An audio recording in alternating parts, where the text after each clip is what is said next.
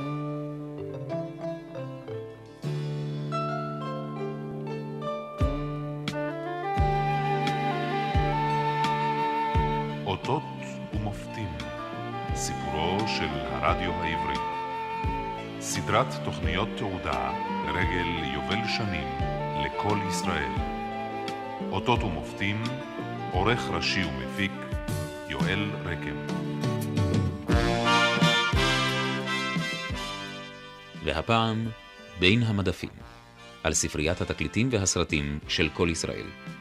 עורך איזימן, בעזרת יוסי כסיף. מגיש דן כנר.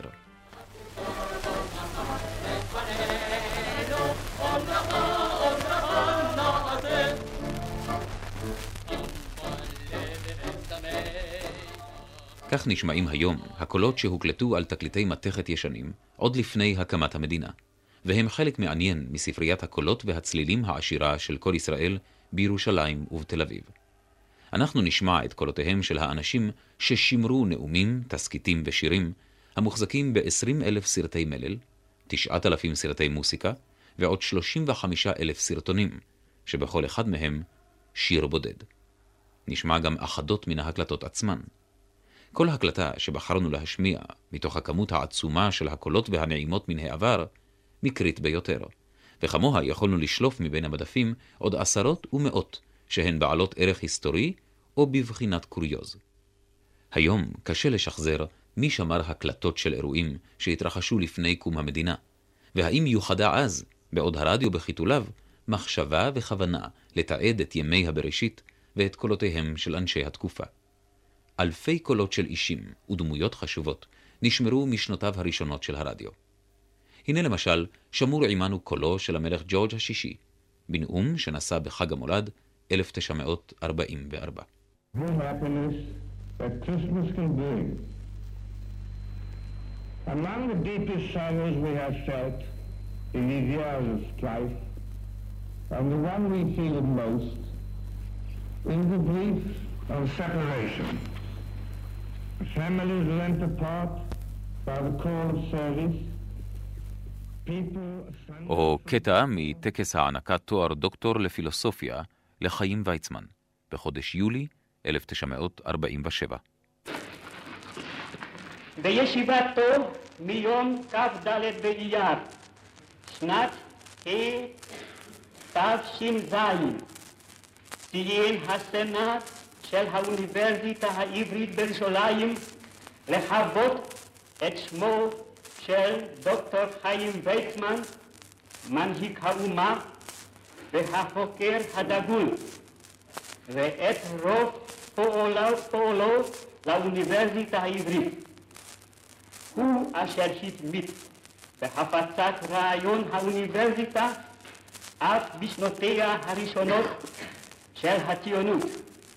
הוא אשר סיכל... ואלה, כאמור, רק קולות בודדים מתוך אלפי הרכשים ההיסטוריים שקלט המיקרופון ואשר הועתקו מתקליטי ארכיב ישנים לסרטי הקלטה מגנטיים. על תחילתה של הסרטייה ועל ארגונה בשנים שלאחר הקמת המדינה, מספר נקדימון רוגל, היום סגן המנהל הכללי של רשות השידור לתפקידים מיוחדים. כשהתחלנו לשדר את אה, יומן החדשות, זה היה בפורים 1952, מזמן מזמן. התחלנו גם להקליט. כמובן שהמצוקה בסרטים הייתה אז אה, גדולה מאוד. אה, הסרטים היו במשורה, ואי אפשר היה לשמור על קטע מוקלט או על סרט מוקלט, משום שהיה צריך פשוט למחזר אותם, להשתמש בהם למחרת להקלטה חדשה. כעבור אה, זמן די קצר התעורר בנו היצר אה, לשמר אה, קטעים מוקלטים. איך עושים את זה כשאין לך סרטים? ואז אה, עלינו על רעיון גדול, לחרות תקליטים. ובאמת הקטעים או ההקלטות הראשונות שנשתמרו בתקליטייה שלנו, בסרטייה שלנו, היו על גבי תקליטים. אבל הייתה גם שאלה איך משיגים תקליטים. זאת אומרת, את החומר הגולמי, כן, אה, שעליו אה, לחרות את, ה, את הקולות. אה, גם בכך הייתה, גם בזאת הייתה מצוקה גדולה. ואז עלינו על רעיון. היינו מקבלים אז כתבות מחוץ לארץ, מהכתב שלנו באו"ם, מהמדור העברי של ה-BBC, על גבי תקליטים, אבל הצד השני לא היה חרוט.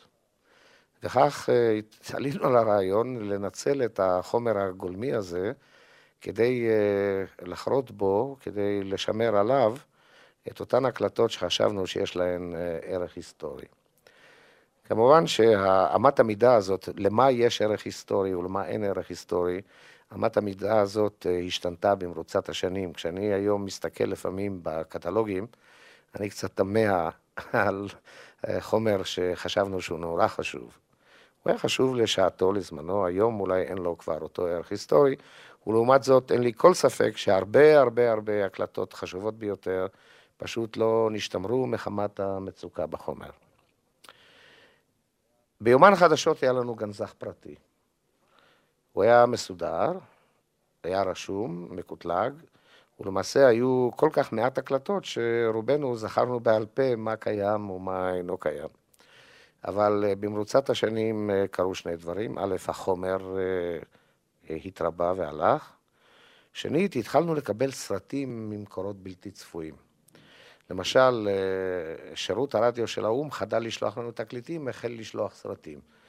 ומכיוון שהחומר לא היה ראוי לגניזה, אותו חומר שהם שלחו, התחלנו להשתמש בסרטים של רדיו או"ם לצורך הגניזה שלנו. לצורך אה, הסרטי הפרטית שלנו. אחר כך נהיינו חברים בנאט"ו. אה, נאט"ו פתח גם כן אה, שירות רדיו והיה שולח כל שבוע או כל שבועיים חבילה של סרטים כל מיני חדשות נאט"ו, שכמובן עד שהגיעו אלינו הם כבר היו חדשות ישנות מאוד, אבל הסרטים היו טובים וגם עליהם אנחנו הקלטנו. החומר טפח אה, וגילינו שאנחנו פתאום אה, יכולים לשדר כבר תוכניות על יסוד החומר הגנוז. למשל, תוכנית בשם מא' עד אלף, ששידרנו כאשר אה, מלאו אלף גיליונות ליומן החדשות. ואז ראינו פתאום שיש לנו ממש גניזה. בשנות ה-60 הראשונות, כאשר הייתי מנהל חטיבת הביצוע ברדיו, אה, החלטנו למסד את הנושא הזה, להפסיק את הגניזות הפרטיות אה, ולפתח אה, גניזה מרכזית שאנחנו קוראים לה סרטיית המלל, כולל קטלוג ידני כמובן, אבל די משוכלל במושגי הימים ההם, כלומר מה שקוראים קרוס רפרנס, אתה יכול לרשום כתבה לפי נושא, לפי שמות האישים וכולי. כמדומני שעד היום יש לנו אה, אוצר בלום של אה, חומר דוקומנטרי מן המדרגה הראשונה, שכבר עברו עליו הרבה הרבה שנים. אני מקווה רק שהוא ישתמר, כי אה, לעולם אין לדעת מה אורך החיים של סרט מגנטי או של תקליט שנחרט מן הצד השני של תקליט מתכתי. אינני זוכר בדיוק מה חרטנו על תקליטים, אבל בוודאי אה, נאומים אה, בכנסת של דוד בן גוריון בעיקר, אה, אירועים ביטחוניים, כאלה לא חסרו אף פעם הרי אצלנו. אלה הדברים העיקריים שאנחנו ניסינו לשמר. קולות של אישים ואירועים מיוחדים, ביטחוניים, אירועים עצובים לפעמים, ולפעמים גם אירועים חגיגיים מאוד. למשל, את אה, טקס ההשבעה של אה, הנשיא השני, אני זוכר שאנחנו שמרנו במלואו, וזה הייתה אולי, זה היה שידור חי אגב, שהקלטנו אותו ושמרנו על הסרט, אני חושב שזה היה השידור החי הראשון ששמרנו עליו אה, במלואו ובשלמותו. תקיעת חצוצרות תסמן את כניסתו של הנשיא לכנסת. לפני כן יועלה נס הנשיא. הנה מועלה נס הנשיא, הרי הוא דורך על המרבד שלפני כניסת הכנסת. שוב הוא פונה אל ההמונים, ומנקודה זאת אני מעביר אתכם אל נקדימון רוגל בתוך הכנסת. עתה יפתח יושב ראש הכנסת את הישיבה.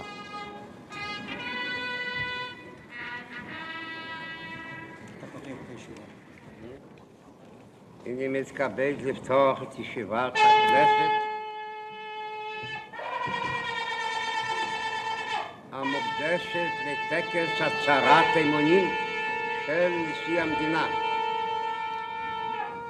משלחת מטעם הכנסת התייצבה בפני הנשיא והזמינה אותו לבוא לכנסת ולמסור את הצהרתו. הנשיא חובש כובע לראשו, מניח ידו על התנ"ך, כל הקהל קם עתה. אני, יצחק רבי צבי בן צבי, מתחייב לשמור אמונים למדינה ולחוקיה, ולמלא באמונה את תפקידי כנשיא מדינת ישראל. בצוק העיתים, ובעת מחסור בחומר גלם, לא נשתמרו הקלטות רבות. וכך גם קרה למהדורת החדשות של השעה תשע בערב, שבה נודע לאזרחי המדינה על תחילת מבצע קדש, מבצע סיני. אך ההקלטה הזו שמורה, למרות זאת, על המדפים בסרט סרטייה, שעליו מדבקה הנושאת את המספר 151. מספר הקריין שקרא את מהדורת החדשות ההיסטורית, רם עברון. הגעתי לאולפן ממש ברגע האחרון, וטכנאי היה יעקב יולוס, שאחרי זה עבר למס הכנסה, ואני הספקתי לצעוק לו בדרך, תשים סרט ותקליט את המהדורה. ולא הספקתי להגיד לו מה מומי, נכנסתי לאולפן, היו פיפסים ופתחתי מיקרופון. מה שקרה לסרט, שהוקלט אכן, הוא שמרוב בלאגן לא רשמו אותו. זאת היה כרטיס של הסרט ולא רשמו שיש עליו ההקלטה. אז נגיד שהיה שם איזה, אני יודע, לפני איזה רסיטל לפסנתר, זה חזר לסרטייה עם רסיטל לפסנתר, ואולי הוא ישנו שם עד היום תחת השם ואולי לא. אה, אני אחרי, נדמה לי חצי שנה או שלוש רבעי שנה אחרי המהדורה הזאת, אחרי אותו יום, עזבתי את כל ישראל ועברתי כאזרח לעבוד בגלי צה"ל. ויום אחד אני מקבל, באוקטובר הבא, 57, אני מקבל טלפון מיורם רונן, שהיה אז עורך יומן השבוע בכל ישראל. תשמע, לא מוצאים את המהדורה, יש לנו תוכנית במלאת שנה למבצע סיני, אתה מוכרח להקליט אותה עוד פעם. הטקסט בדרך, אז קיבלנו בטלקס את הטקסט מכל ישראל, והקלטתי את המהדורה כמו שצריך, כי במקור אני חושב שהתרגשתי הרבה פחות מאשר בשחזור, מפני שבמקור לא כל כך היה ברור מה זה.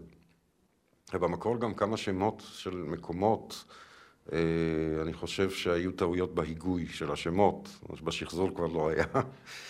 ובעצם אותה מהדורה ששומעים היום היא מ-57 ולא מ-56.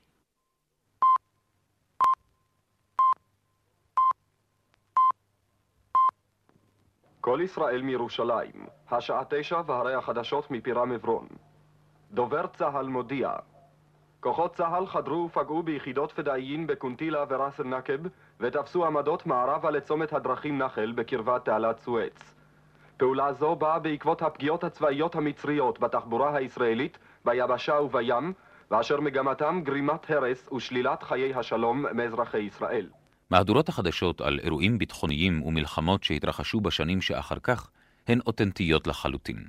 קולותיהם של יורם ארבל, המודיע על תחילת מלחמת ששת הימים, ויצחק פרי, זיכרונו לברכה, המבשר על שחרור בני הערובה הישראלים מאנטבה, הוקלטו בתשומת לב רבה, ונשתמרו היטב יחד עם יומני החדשות וההקלטות מן השטח. בארונות הברזל של הסרטייה שמורים לא רק קולות מחדשות הזמן והתקופה, אלא גם תוכניות רדיו רבות ששודרו במשך השנים, ואשר היו למופת ולאבני דרך בהתפתחות השידור.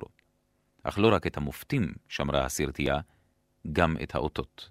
האותות שפתחו או סיימו תוכניות פופולריות שהורגלנו כולנו להקשיב להן במשך שנים רבות. אלה הצלילים שחזרו על עצמם בוקר בוקר, ערב ערב, שבוע אחר שבוע, והיו לסמל של הרדיו.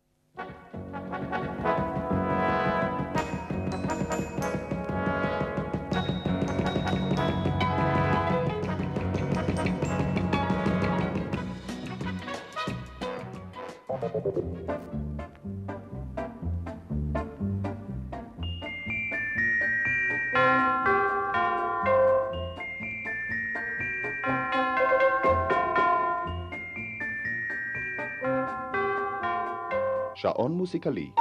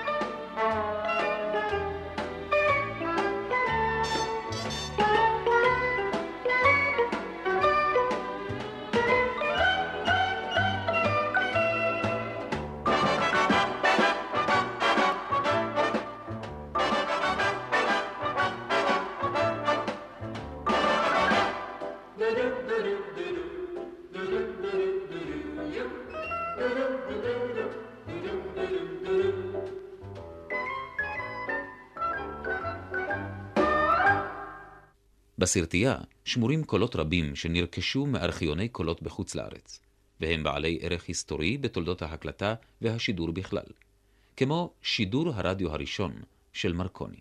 On December the 12th, 1901, when a haphazard receiving station rigged up by myself at St. John's, Newfoundland, I was able to receive a succession of three clicks corresponding to the three dots of the letter F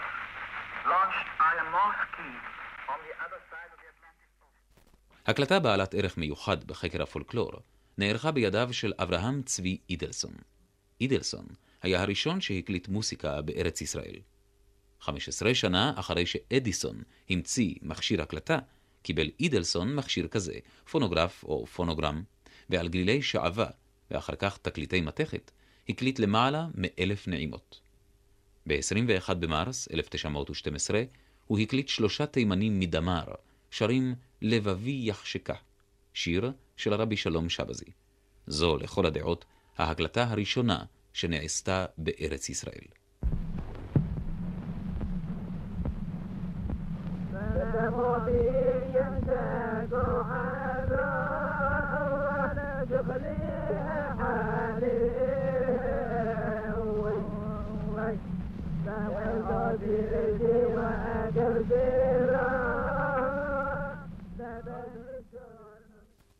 ונשמרו קוריוזים מעניינים. דברים שהוקלטו אך לא שודרו, בעיקר דברים שקלט המיקרופון אחרי הקלטה חשובה או לפניה, כמו קטעי רעיונות והכנה לרעיונות עם דוד בן גוריון ומשה דיין. מר בן גוריון, מה הניעך לכבד בנוכחותך טקס זה? מה הניעך לכבד בנוכחותך טקס זה? מה? אני לא שמעתי את השאלה. מה הניעך לכבד בנוכחות... מה בניעך? הניעך לכבד בנוכחותך טקס זה.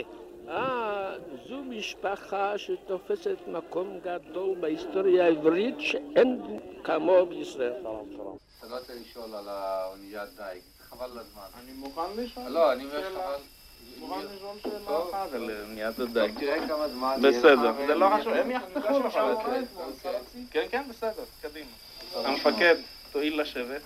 ירון, אני עושה ניסוי קול קטן ואנחנו מתחילים. תגיד כמה משפטים שהוא יוכל לכוון את העוצמה שלו. היות וזה ניסוי קול, כאן מדבר החזן משה דיין. סייע? ירון, אני מונה ומתחיל. הסרט הולך? מעניין גם סיפורה של ההקלטה הבאה, של אנדרי גרומיקו, המדבר במושב מיוחד של עצרת האו"ם, על זכותו של העם היהודי למולדת משלו. מנהל הסרטייה, משה אלחדף, חיפש בארכיון את תאריך הנאום, וכשזה היה בידיו, פנה לארכיון האו"ם. בתוך זמן קצר התקבלה ההקלטה הזאת בשפת המקור, ברוסית כמובן, והיא שמורה בין המדפים. как на пленарных заседаниях Генеральной Ассамблеи, так и в политическом комитете показал, что вопрос о Палестине стал острым политическим вопросом. עם ארגונה של הסרטייה בשנות החמישים, היא חולקה לסרטיית מלל, הכוללת קטעים מתוך יומני החדשות וכל חומר דוקומנטרי אחר, ולסרטיית המוסיקה, הכוללת הקלטות שמרביתן נעשו באולפני כל ישראל. תוכניות המלל הראשונות שנרשמו ונשמרו היו דווקא של מחלקת הנוער, שנקראה אז פינת הילד, או האולפן לנוער. הסרט הנושא את המדבקה סרטייה מלל מספר אחת, כלל את סיפורו של אוריאל אופק, הזבוב מן השנה שעברה, אך הוא הוצא משימוש בשל איכותו הירודה של הסרט המגנטי. בסרט סרטייה מלל מספר 2 מצאנו תסכית אחר לילדים. תאריך הרישום בסרטייה, יולי 1956. תאריך ההקלטה, כמה שנים לפני כן. אנו מגישים לכם היום את אחד מסיפוריו של הנס כריסטיאן אנדרסן. הוא עובד לשידור בידי המשוררת אנדה עמיר פינקרפלד. הפרוטה המזויפת.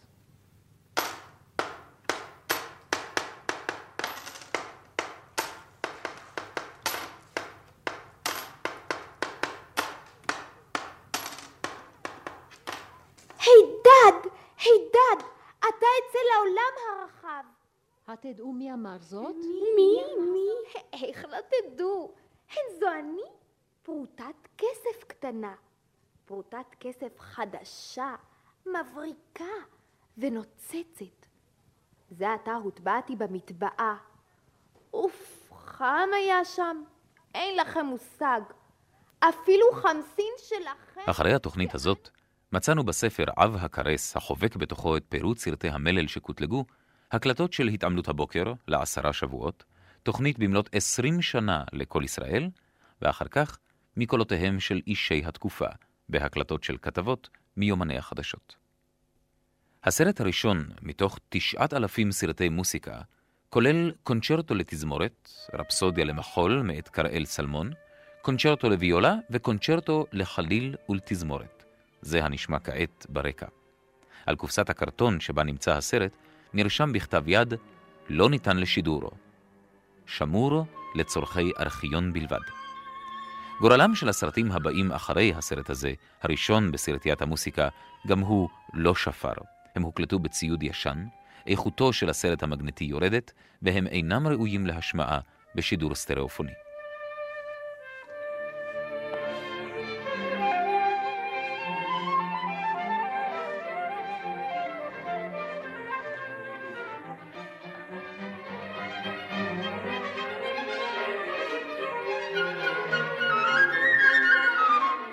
בין סרטוני המוסיקה הראשונים מצאנו את שירו של רבי שלום שבזי, שעי יונה, את אורחה במדבר של פיכמן וזהבי, ושירים כמו שבת בכפר, בין העצים הירקרקים, ארץ זבת חלב ודבש, אל המעיין, ועוד רבים משירי המולדת שהיו פופולריים בשנות החמישים. כמעט כולם, למעט בודדים ביותר, הוקלטו בקול ישראל, והושמעו אחר כך פעמים אין ספור. הראשון שבהם, שהוענק לו התואר סרטון מוסיקה מספר אחת, הוא שיר השומר, לחנו של בנימין עומר, עיבודו של שמעון כהן וצליליה של תזמורת כל ישראל בניצוח יוחנן בהם. תאריך ההעברה לסרטייה, 27 בספטמבר 1959.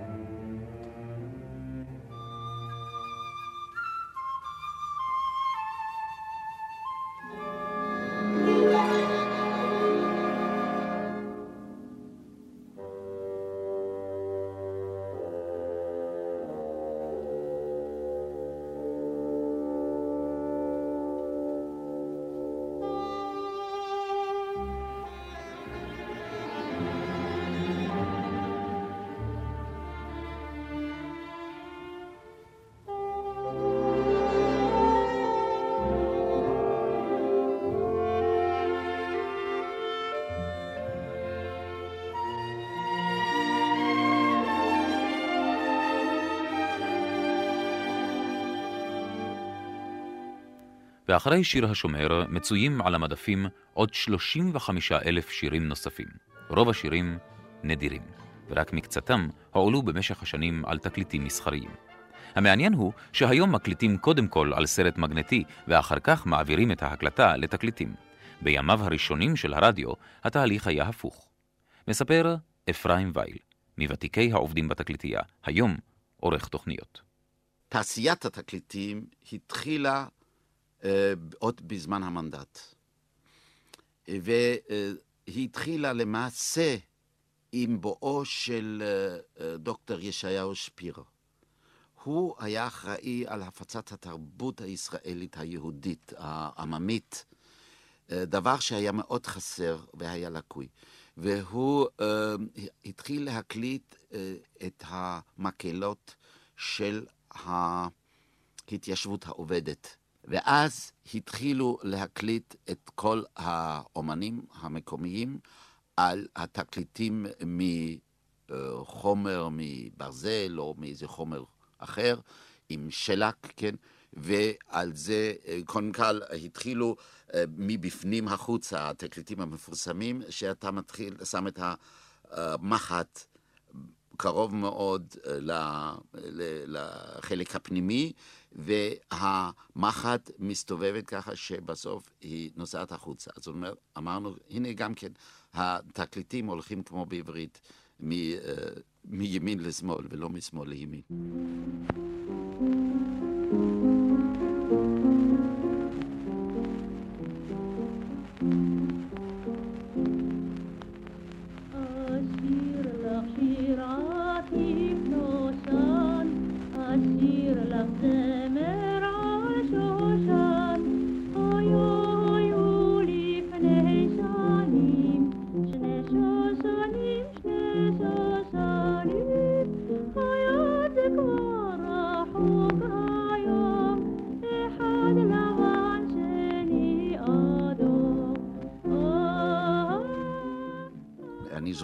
שהיה השיר שני שושנים של זעירה, שהקלטתי עם אסתר גמליאלית.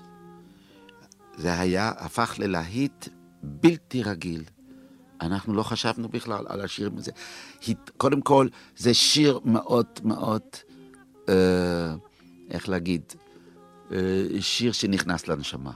על תחילת דרכו בספריית התקליטים ועל העבודה בה בימיה הראשונים, מספר אפרים וייל.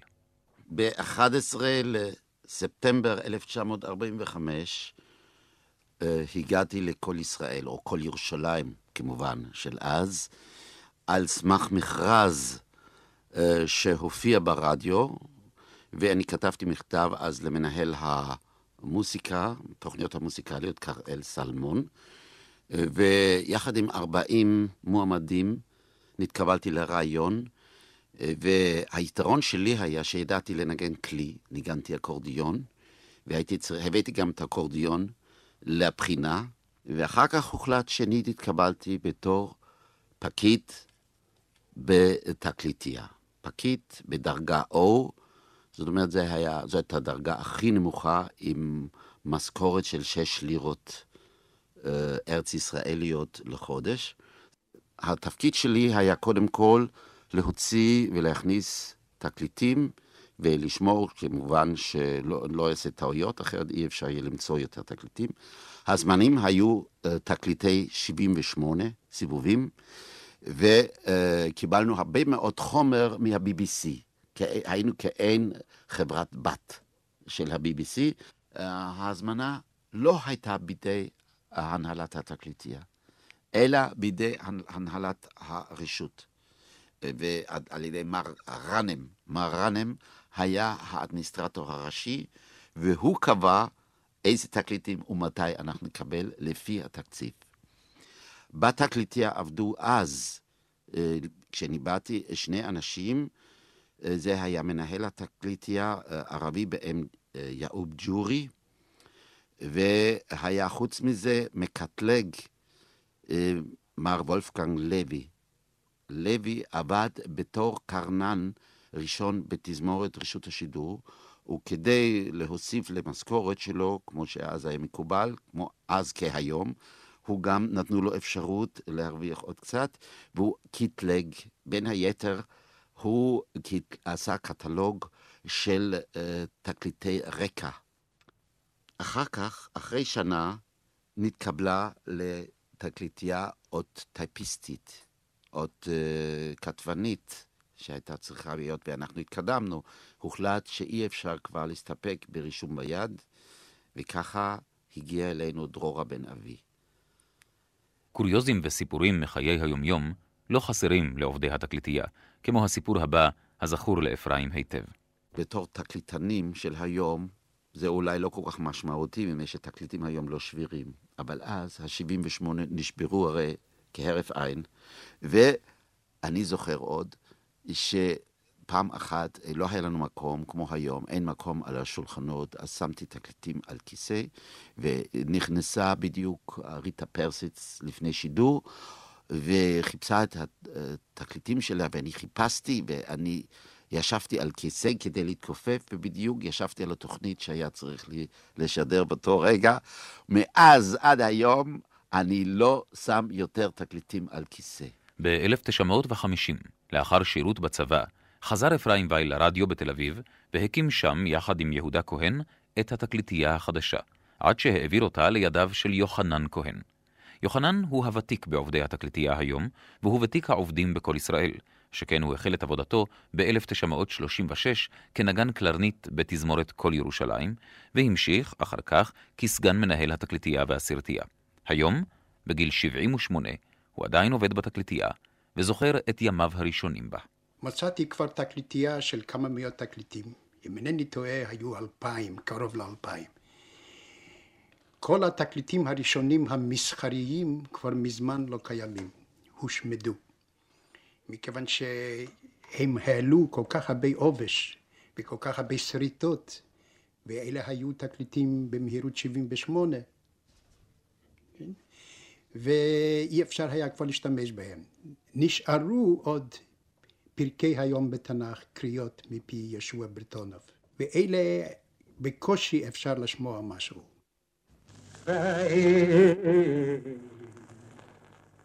שמע החוקים ולמשפטים אשר אנוכי מלמד אתכם לעשות. יוחנן כהן עוסק עד היום ברכישת תקליטים במדינות שונות בעולם עבור ספריית כל ישראל, עבודה הכרוכה בקשיים לא מעטים.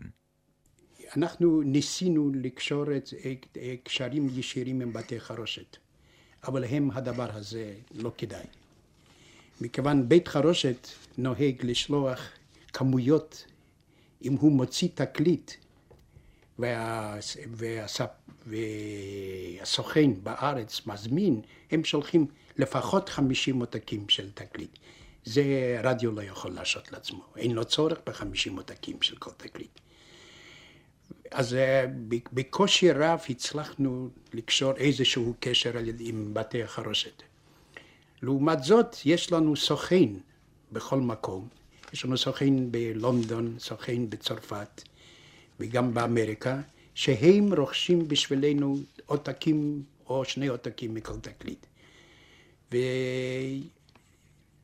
ולא תמיד הם מצליחים להשיג לנו את הדברים היוצאי דופן. כמובן שהיו חברות שעל ידי, בגלל לחץ החרם הערבי, הפסיקו את הקשרים איתנו. בצרפת היו שתי חברות, ש... שתי חברות שהפסיקו. הייתה לנו, היה לנו סוכן ברומא, שהוא שנים סיפק לנו תקליטים. ביום בהיר אחת הוא הפסיק, מכיוון שהיה עליו לחץ עצום. היה לנו סוכן מאוד מוצלח בלונדון, שהוא על ידי קשר אישי איתו, איש, איש התקליטייה הצליח להשיג בשבילו אה, דרישה, או יותר נכון ויזה, להוציא את משפחתו מלנינגרד. ועל ידי זה הוא הרגיש הכרת, שהוא חייב לנו הכרת תורה, תודה, והוא באמת שירת אותנו בצורה מאוד יעילה וטובה. הוא חיפש בשבילנו תקליטים מכל מיני מקורות, דברים יוצאי דופן, אני לא מדבר על הדברים המקובלים. לצערנו, לפני שנה וחצי האיש הזה נפטר, ומאז אנחנו צריכים לחפש סוכן אחר. ועוד על רכש. בימיה הראשונים של התקליטייה, היה שבתאי פטרושקה נוסע מדי חודש בחודשו לתל אביב, עם תקציב דל של עשר לירות, כדי לחדש את מלאי התקליטים. בדרך כלל היה מביא שוב ושוב את נעימת המולדבה של סמטנה, שממנה שאולה מנגינת התקווה. את המולדבה מותר היה לשדר בכל ירושלים המנדטורית, מבלי להסתכן בנזיפה מהבריטים, והיא הייתה נסרטת מרוב שימוש.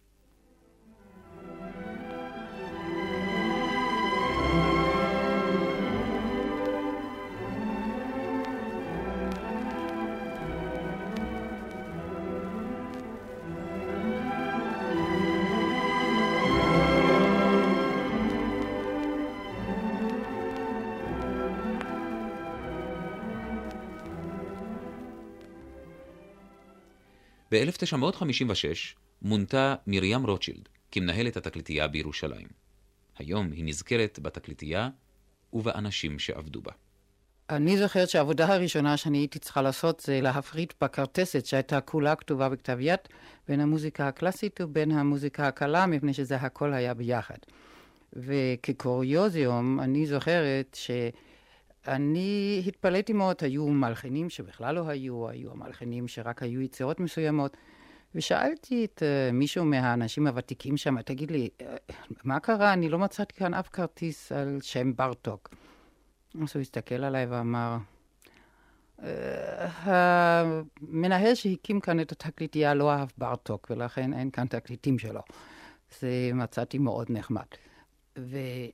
אני הייתי צריכה להתחיל פשוט לארגן את כל העניין הזה אה, מההתחלה, מפני שהתקליטים, המעריך נגן אז התחילו להיות מופצים בשוק במחירים שמתקבלים על הדעת, ואנחנו התחלנו לפי קטלוגים, התחלנו להזמין באופן שיטתי את כל המחברים ש... ואת כל המוזיקה שהייתה נחוצה לנו לתוכניות. אני מצאתי בתקליטייה, כשבאתי, מצאתי שלושה עובדים. את uh, משה אלחדף, שהיום uh, אחראי על הסרטייה, את uh, משה חבא, שהיה מכונה כושי, שהוא היום כתב במחלקת הדת, ואת עזרא גבאי, ז"ל. עזרא היה אישיות יוצאת מן הכלל, הוא היה מורה לחליל, ויש ודאי הרבה מאוד תלמידים היום עוד במדינת ישראל שזוכרים אותו לטובה, הוא לימד חלילית בקונסרבטוריון בירושלים, והוא בעצמו חיבר מוזיקה.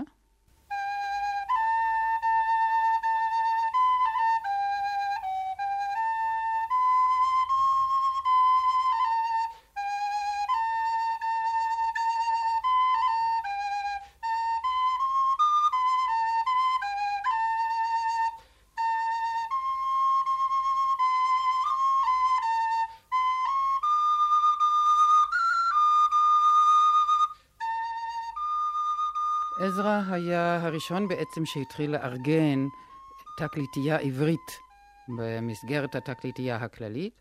הוא היחיד שהתמצא בחומר, והוא התחיל אה, לבנות במקביל למה שאני עשיתי באופן כללי, הוא התחיל לבנות אה, מוזיקה, אה, תקליטייה עברית. כשאני התחלתי, למעשה כמעט ולא היו, לא הייתה שירה עברית או תקליטים עבריים. היה הד ארצי הייתה החברה היחידה כמעט שהקליטה בזמנו תקליטים uh, בעברית, אבל הכמות הייתה אפסית, והיו צריכים uh, לחזור תמיד על אותם הדברים, כפי שבעצם גם עשו לגבי מוזיקה קלאסית. מפני שבשנים האלה ה... הכל היה בקנה מידה כל כך קטן, שהדברים חזרו על עצמם. אבל כיוון שלא היו הרבה שעות שידור, הדבר הזה לא פגע בקהל. ברגע שה... תקליטייה גדלה, והאוסף של שירים עבריים ויצירה ישראלית גדלה, גם uh, יכלו לפתוח גל נפרד לכל הדבר הזה. הקימו את, uh, פתחו את רשת ב', וכמובן שלצורך זה אנחנו היינו צריכים להתארגן בקנה מידה הרבה יותר גדול. אז uh, התחלנו להדפיס אותם במכונת כתיבה והיינו מאוד גאים בעצמנו. על התקליטייה המתרחבת משנות ה-60 מספר שלום כהן. אני המשכתי את דרכה של uh, מרים בניהול התקליטייה. באחד הימים uh, מופיעה מרים אליי ושואלת אותי, מה דעתך להיכנס לתקליטייה? חשבתי קצת, נדלקתי ונכנסתי לתקליטייה. העבודה אה, שלנו הייתה אה, אה, באופן טבעי מתפתחת, גם מבחינת הכמות, גם מבחינת כוח האדם, גם מבחינת הסגנון, סגנון העבודה. אז כל הזמן היינו בתהליך של התפתחות. וזה כל היופי של העניין, שכל פעם, כל תקופה היינו uh, מוצאים שיטה חדשה, uh, דרך חדשה, uh, נושא חדש uh, uh, לתעד אותו וכן הלאה וכן הלאה.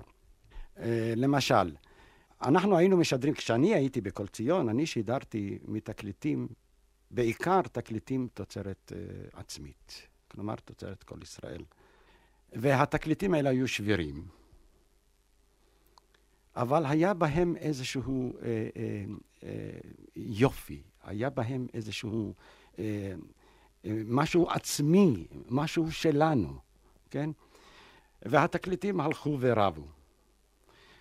אה, בינתיים גם גד, אה, גדלה התפוקה של התקליטים המסחריים. אז אה, היה, הייתה תקופה שהיינו צריכים לאט לאט לבטל את התקליטים הישנים, ולהיכנס לעידן התקליטים החדשים של הלון פלינק. וזה היה קצת, קצת ככה, קצת נוקף בלב.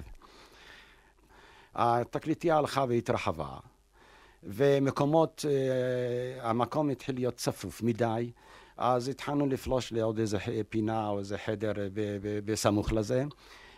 אז היה שולחן גדול שישבתי באמצע, וכל פעם היה מתווסף עוד איזה מדף.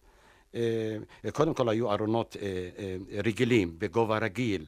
אחר כך המשכנו, הארכנו את הארונות לכיוון התקרה. וכשמילאנו את כל המקומות האלה, התחלנו כבר להוסיף עוד מדפים במקומות הגישה, במקומות הגישה לתקליטייה. עד ש... אני אחר כך שיניתי את השולחן שלי, השולחן היה, מספיק, היה יותר מדי גדול, שיניתי אותו ליותר קטן, כדי שיהיה מקום לעוד מדף ועוד מדף. וככה זה התפתח עד שאני עפתי מהתקליטייה, משום שלא היה שום מקום אחר לשים תקליטים, אלא במקום שאני יושב. ולכן הייתי צריך לעבור לאגף אחר, לחדר אחר, בכלל מחוץ אה, לתקליטייה. והתקליטייה הלכה וגדלה, עד שהגיע למרים הזכירה שלושה אנשים. היום היא מונה 35 איש.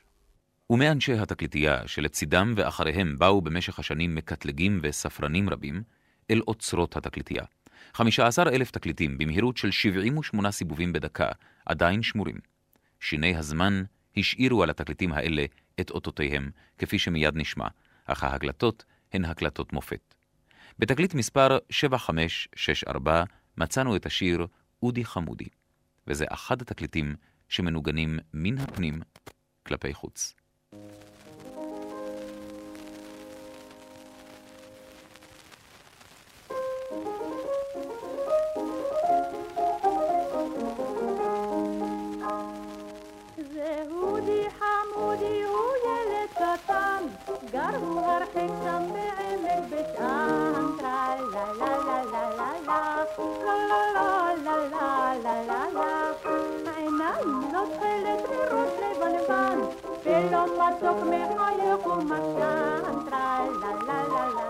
מאז התקליטים האלה, שרובם הוקלטו עוד בטרם הוקמה המדינה, נוספו עוד 200 אלף תקליטים מודרניים, למעלה ממחציתם עריכי נגן.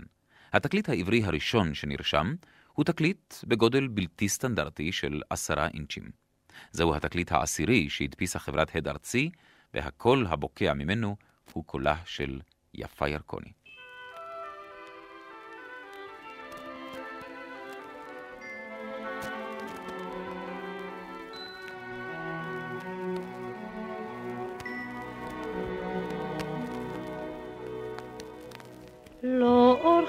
אחת גמלים ירדה לכרוע, לא דבשת היא אל מול כוחה, זה הרים הרים שבא גלבוע, הררים צופים אלי מרחב.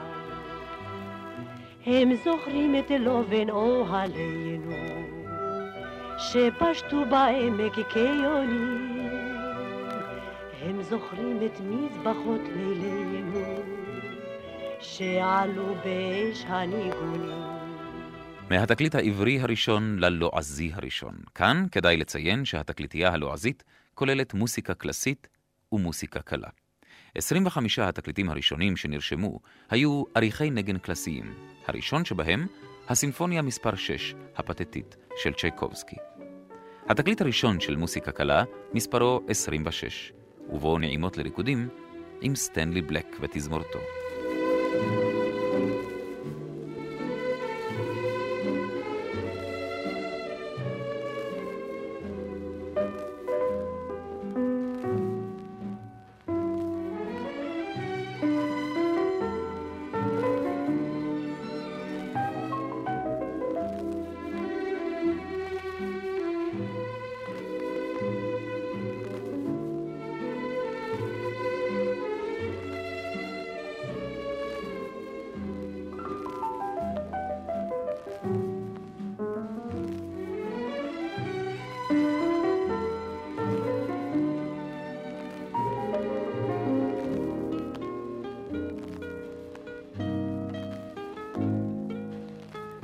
בין מאות אלפי היצירות המצויות בתקליטיית כל ישראל, ישנם תקליטים נדירים עם הקלטות נדירות וחד פעמיות מכל רחבי העולם.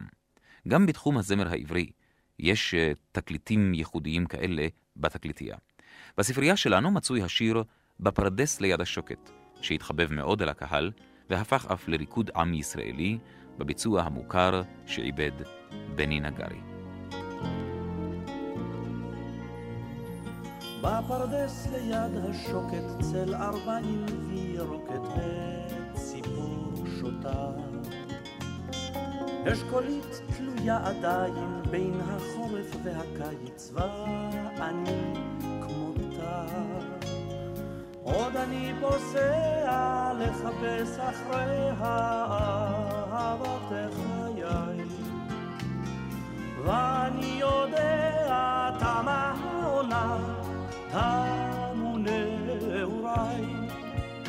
הביצוע הזה מצוי אך ורק בתקליטייה, במספר עותקים מצומצם מאוד, על גבי תקליט שנועד לשדרים בלבד. התקליט הזה אינו ניתן לרכישה ואין להשיגו מחוץ לספריית כל ישראל. בתקליט המסחרי של יהורם גאון, הנושא את שם השיר, השיר מוקלט בעיבוד שונה לגמרי.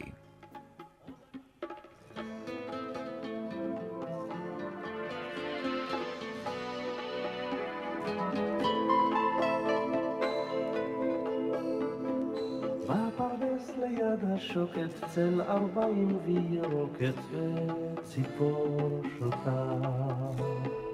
אשכולית תלויה עדיין בין החורף והקיץ, אני כמותה. עוד אני פוסע לחפש אחרי אהבת חיי, ואני יודע כמה עונה לאחר הפעלת המחשב בתקליטייה, רשת ג' מנהיגה מדי קיץ משחקי רדיו בנוסח הכה את התקליטייה, שבהם המאזינים מבקשים שיר, ועל אנשי התקליטייה למצוא אותו בתוך 20 שניות. בא לי, מגיש מנחם פרי.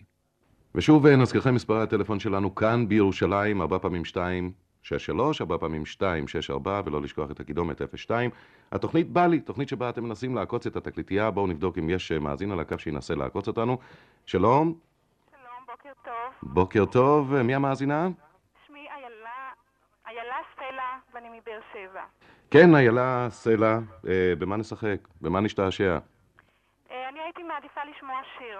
שיר. עכשיו השאלה איזו שיר, בתנאי כמובן שהוא צעד במצעדי הפזמונים שלנו. אני בבקשה. מקווה מאוד שהוא צעד מפני שזה שיר מאוד אהוב עליי. ישראלי או לועזי? לועזי. בבקשה. מתוך המחזמר Chess, אה, מבצעות אותו איליין פייג' אה, וברברה דיקסון, ושם השיר, אני מכירה אותו כה טוב. I know him so well, איליין פייג' וברברה דיקסון, אנחנו נפעיל את השעון שלנו, הנה הוא כבר עובד.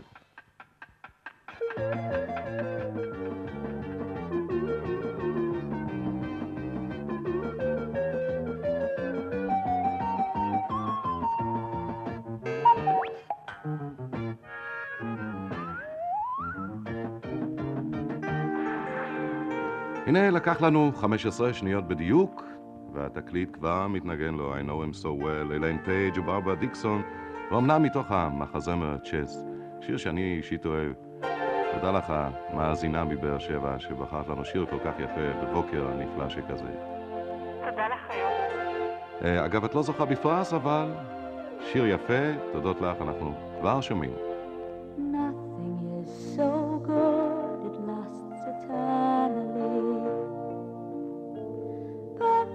situations must go wrong.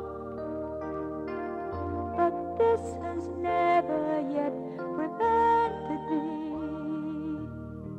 wanting far too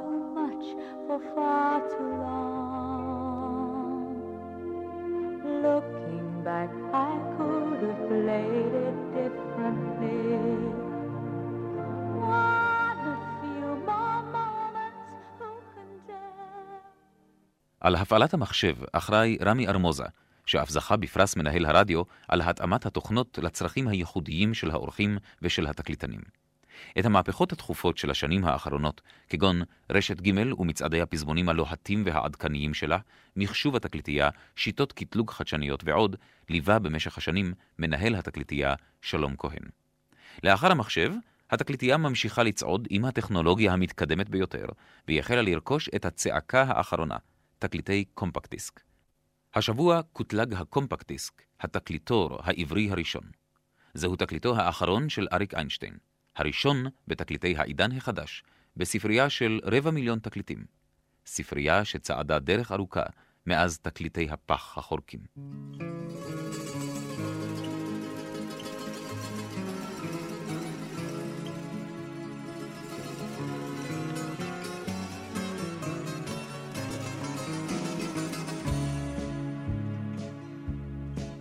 הזמן את השנים יניס, וקצת בינה בלב מכניס, אבל ישנם דברים שהוא עוד לא גילה לי. האם נפרח להיות שושן? האם נאור בניצוץ נושן?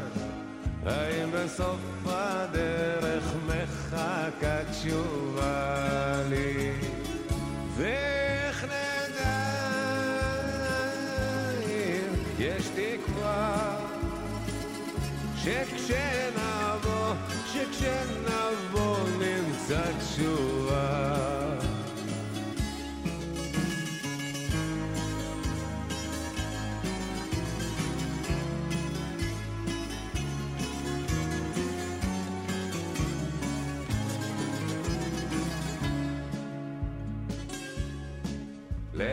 נמשכת המסילה? לאן הולכת התפילה? ומי ישיב לשאלה? ומי ישמע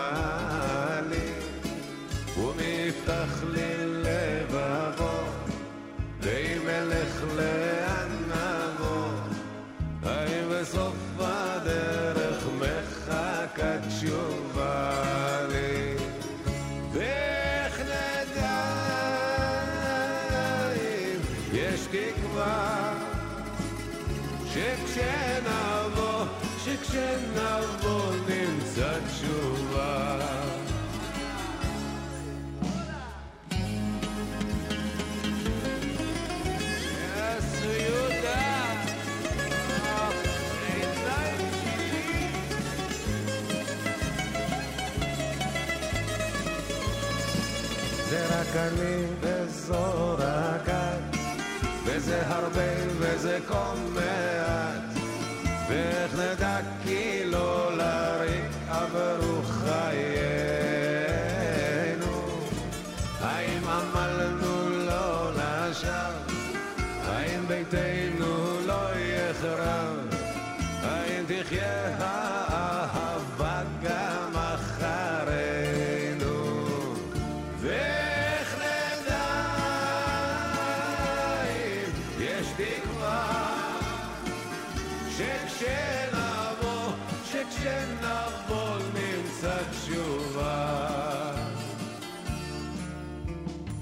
מיקס גבריאליס וגם אריקס לינקיס מנגנימוס ושרימוס מקליטים עושים מורנוס מיקס גבריאליס וגם אריקס לינקיס אוהבימוס תחיימוס שישו ושמחו בשמחת חג ומחאו כפיים נגנו ושירו בקול חזק ובמצלתיים